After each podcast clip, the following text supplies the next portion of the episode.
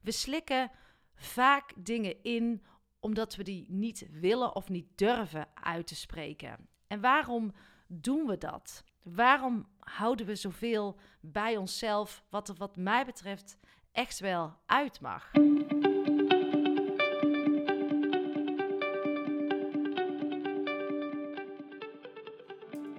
Welkom bij seizoen 3 van de podcast Stilstaan voor Dummies.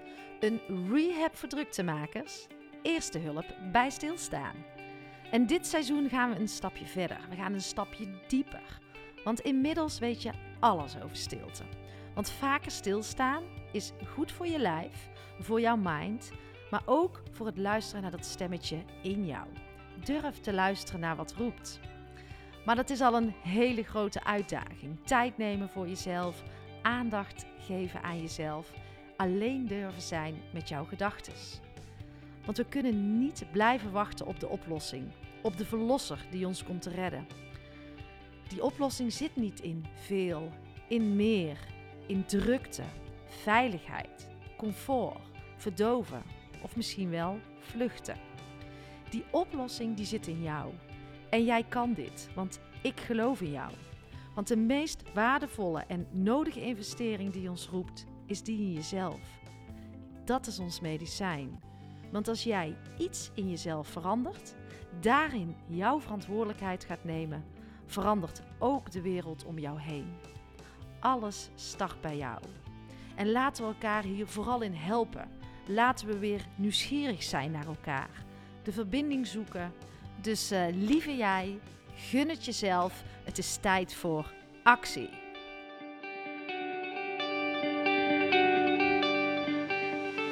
Lieve luisteraars, welkom. Maandagochtend. Een uh, nieuwe Anki Only staat uh, voor je klaar.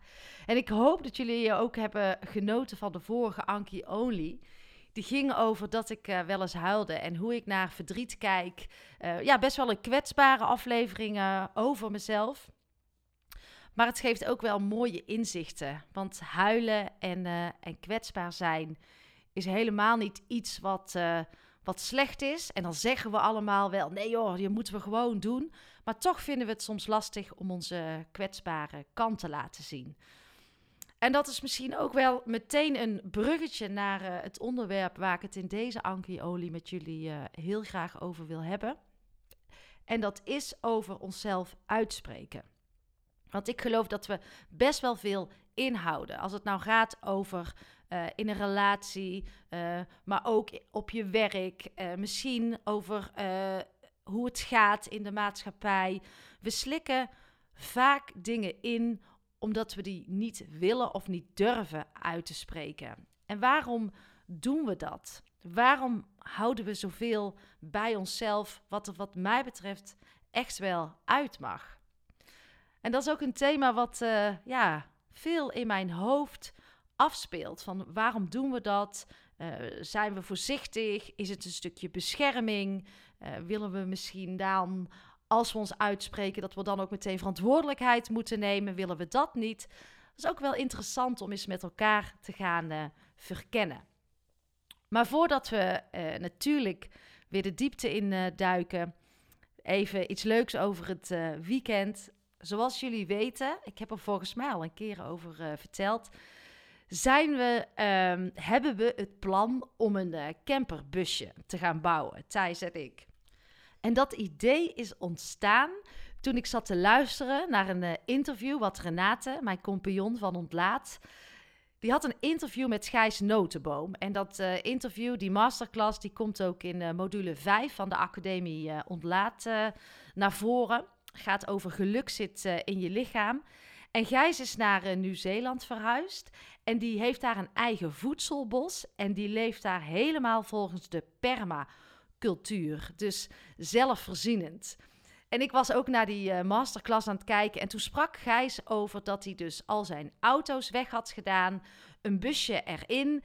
En uh, dat was tegelijkertijd ook omgebouwd naar camperbusje. En dat idee is in mijn hoofd gebleven. Want uh, we zijn ook wel een beetje aan het onthechten van spullen, van materialisme. Er staan hier uh, twee auto's voor de deur. Uh, wat doe je ermee? Nou, kun je altijd nog wel kantoren binnen. We weten het niet. En ik hou van een zo onafhankelijk mogelijk leven. Nou, dat alles samen. Oh ja, en er was ook heel erg de behoefte om een eigen kantoor te gaan krijgen. Maar de vorm, daar had ik nog uh, uh, nooit zo goed over nagedacht. Ja, ik wil het graag in de natuur. Uh, ik zie dan iets groens voor me. En nu komt gewoon het idee dat wij dus één auto eruit gaan doen. Of waarschijnlijk uiteindelijk alle tweede auto's. En daar dus een busje voor terughalen, daar een camper van gaan maken, maar tegelijkertijd ook een rijdend kantoor. Nou, hoe tof is het? Dat je ook gewoon de klanten naar je toe kan halen. In plaats van dat je altijd naar een kantoor toe moet. Maar dat je samen, ja, wie weet, ga ik mijn klant in de toekomst ophalen. En uh, gaan we lekker een stukje rijden. Nemen we daar de podcast op. Of uh, we gaan de plannen bedenken voor die organisatie. Ja, hoe tof is dat? Dus. Um, zo zijn we een beetje gaan uh, dromen. En de plannen worden steeds concreter. Dus we hebben nu, ja, elke woensdagavond gaan we samen plannen maken. want mijn man is wel grappig, die is wel, daar hebben we vooral dit weekend ook over gehad. Die wil het graag goed aanpakken, alles uitzoeken, de dingen goed bekijken afwegen. En ik ben gewoon iemand van hup, springen en, uh, en doen en maar zien. En uh, die twee moesten elkaar dit weekend even gaan uh, vinden. Maar ja, wel ontzettend leuk om mee bezig te zijn. Dus ja, ik hou jullie op de hoogte van onze ontwikkelingen. Um, maar dat wordt wel tof. En ja, wat je nog meer kan krijgen in module 5 is misschien ook wel even goed om toe te lichten. Naast uh, die masterclass met Gijs Notenboom ga je zelf ook ontspullen. Gaat zoveel met je doen. Ochtendrituelen komen voorbij in die module. Richard de Let verzorgt een masterclass. En daarnaast zijn er ook hele mooie ehm, meditaties en oefeningen. Natuurlijk komen Renate en ik ook zelf voorbij. Maar het geluk zit echt in ons lichaam. En daar mogen we beter voor gaan zorgen. En uh, dat gaat onder andere allemaal in de module 5 voorbij komen. Goed, dan gaan we eens even terug naar het thema. Jullie weten nu wat ik in het weekend uh, heb gedaan. Nagedacht over die camper. En verder was hij heerlijk rustig. Maar we hebben het over jezelf uitspreken. Want wat zit daaronder? Zijn we misschien wel bang om de ander pijn te doen? En soms proef ik ook wel zoiets van, en dat hoor ik best wel in mijn omgeving vaak, ja, mijn mening, die doet er niet toe. Wat ik vind is niet belangrijk. En daar heb ik lang over na moeten denken, die heb ik lang in moeten voelen. Maar nou komt ie. Stel dat jij zoiets zegt. Waarom zeg jij dat over jezelf? Waarom doet wat jij vindt, waarom doet dat er niet toe? in sommige gevallen. Hoe belangrijk vind je jezelf dan? Voor mij raakt die ook heel sterk het stukje eigenwaarde. Want waarom mag wat jij vindt niet gehoord worden? En dat is uh, echt wel eens interessant om daar voor jezelf over na te denken. Van hoeveel behoeftes, verlangens heb jij in je die je alleen met jezelf bespreekt? nagenoeg uh, nooit met een ander. Misschien af en toe eens in een veilige setting met een, uh, met een vriend of een, uh, of een vriendin. Maar hoeveel hou jij binnen? En waarom? En het raakt ook wel zelfliefde. Hoe lief ben je voor jezelf? Hoeveel vind je jezelf waard? En ik vind het soms zo jammer dat we onszelf niet de moeite waard vinden. Kijk, en het ligt er natuurlijk ook heel erg aan hoe breng jij iets naar buiten. Daarin heb ik best wel wat mogen leren de laatste tijd. Eh, om dat veel liefdevoller naar buiten te brengen. Ehm, maar ook om daar anders naar te gaan kijken. Als ik mezelf uit wil spreken, um, dan betekent dat een ander daar soms nog niet klaar voor is om dat te ontvangen. En die reageert dan boos of, uh, of kwaad. Ehm, maar als ik het voor mijn gevoel, en daar had ik natuurlijk ook heel veel in te leren, dat vanuit een pure, zuivere intentie doe. Kijk, als ik het doe vanuit een rol van strijden, of dat ik vind dat de ander niet uh, goed genoeg is, dan is hij niet zuiver. Maar als ik dat echt vanuit zuiverheid doe, en dan voel ik zo sterk bij mezelf, dan wil ik de ander helemaal niet kwetsen. Dan is het 100% de filter van een, van een ander. Dus ik ben daar voor mezelf een ander label aan gaan hangen. Dus het is als ik me uitspreek of iets zeg en het raakt de ander, zie ik dat niet meer als iets slechts of dat het dat niet mag zijn, maar dat het er gewoon bij hoort. En om daar dus op een hele andere manier naar te kijken, voelt het ook veel vrijer, heeft het veel minder lading, eh, zie ik het als iets wat er gewoon eh, mag zijn. En um, wat ik daar nog meer over wil zeggen, waarom we onszelf niet uitspreken. Het is misschien ook wel veilig, want je uitspreken is dat je zichtbaar wordt. Uh, dat is al lastig, want je komt buiten de groep of je komt met je hoofd boven het uh. En natuurlijk, uh, vanuit evolutionaire grondslag gezien, horen we het liefste bij de groep. Dan hadden we de meeste overlevingskansen. Zo werkt ons brein nou ook. Maar je hoeft ook geen verantwoordelijkheid te nemen. Als we lekker in dat veilige, als we in die veilige zone blijven, en onszelf niet uitspreken, onszelf niet laten zien, dus die behoeftes maar binnenhouden, hoeven we daar ook nooit echt verantwoordelijkheid voor te gaan nemen.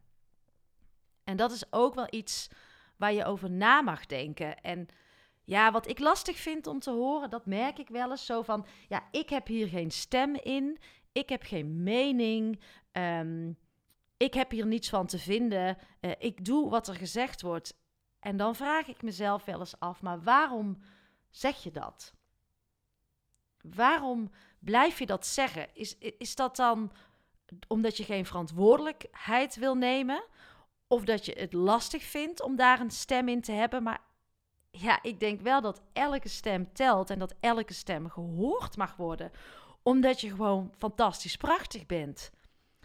En het is leren om dat niet te voelen als spannend of uh, onveilig of mogelijk als afwijzing. Maar daar kan je in leren om dat dus heel anders te gaan uh, zien. En dan heeft dat denk ik ook mee te maken van waar sta jij echt voor in het leven? Wat vind jij nou echt belangrijk? Echt dingen die vanuit jouw hart komen, waar jij voor staat, die, uh, die niet door een ander zijn opgelegd. En wat uh, daarnaast denk ik ook helpt, is dat het ook heel veel zegt over hoe jij naar de ander kijkt. Want als jij veel meer vanuit de verbinding, vanuit compassie naar een ander kan kijken, wat diegene ook zegt, dat dat vanuit een goede intentie komt, dan zal je misschien zelf ook veel makkelijker jezelf uit durven te spreken, um, je behoeftes uit durven te spreken. En daarin wil ik jou uh, zo graag aanmoedigen om dat te gaan doen. Slik het niet in. Houd het niet in, maar leef voluit zonder die uh, handrem. En dat is ook niet voor niks de one-liner die wij hebben in de academie ontlaat, omdat ja, daar zit wel een dingetje. Dus een kleine reflectievraagje om deze Anki Olie uh, mee af te sluiten is: ga voor jezelf eens even na. Wat zijn je behoeftes? En dat kan op allerlei thema's zijn. Wat slik je in? Wat spreek je niet uit wat je diep van binnen weet dat je wel zou willen doen, omdat je weet dat er dan iets gaat gebeuren? Waar blijf je rondjes draaien? Waar zit angst om de ander pijn te doen of om iemand te verliezen? Maar wat is belangrijker? Jouw eigen waarde, waar jij voor staat, jouw zelfliefde? Of is het de ander die belangrijker is? En geloof mij, als wij allemaal daarin iets gaan veranderen, iets dichter bij onszelf komen, iets liever worden voor onszelf, die eigenwaarde belangrijker gaan vinden, die self-care, ja, als we daar allemaal één ding in gaan veranderen, dan gaat er heel veel ook in de wereld veranderen. Oefenen, leren, doen, durven, experimenteren. Ik uh, ben er vrijdag weer, uh, mooie luisteraar. Tot dan!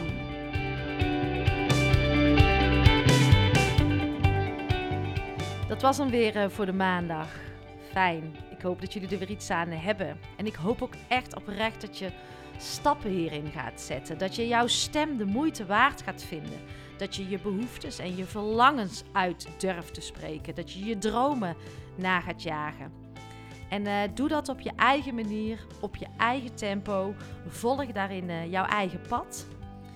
Maar uh, volg je pad wel. En dat pad zit in jouw hart en niet in jouw hoofd.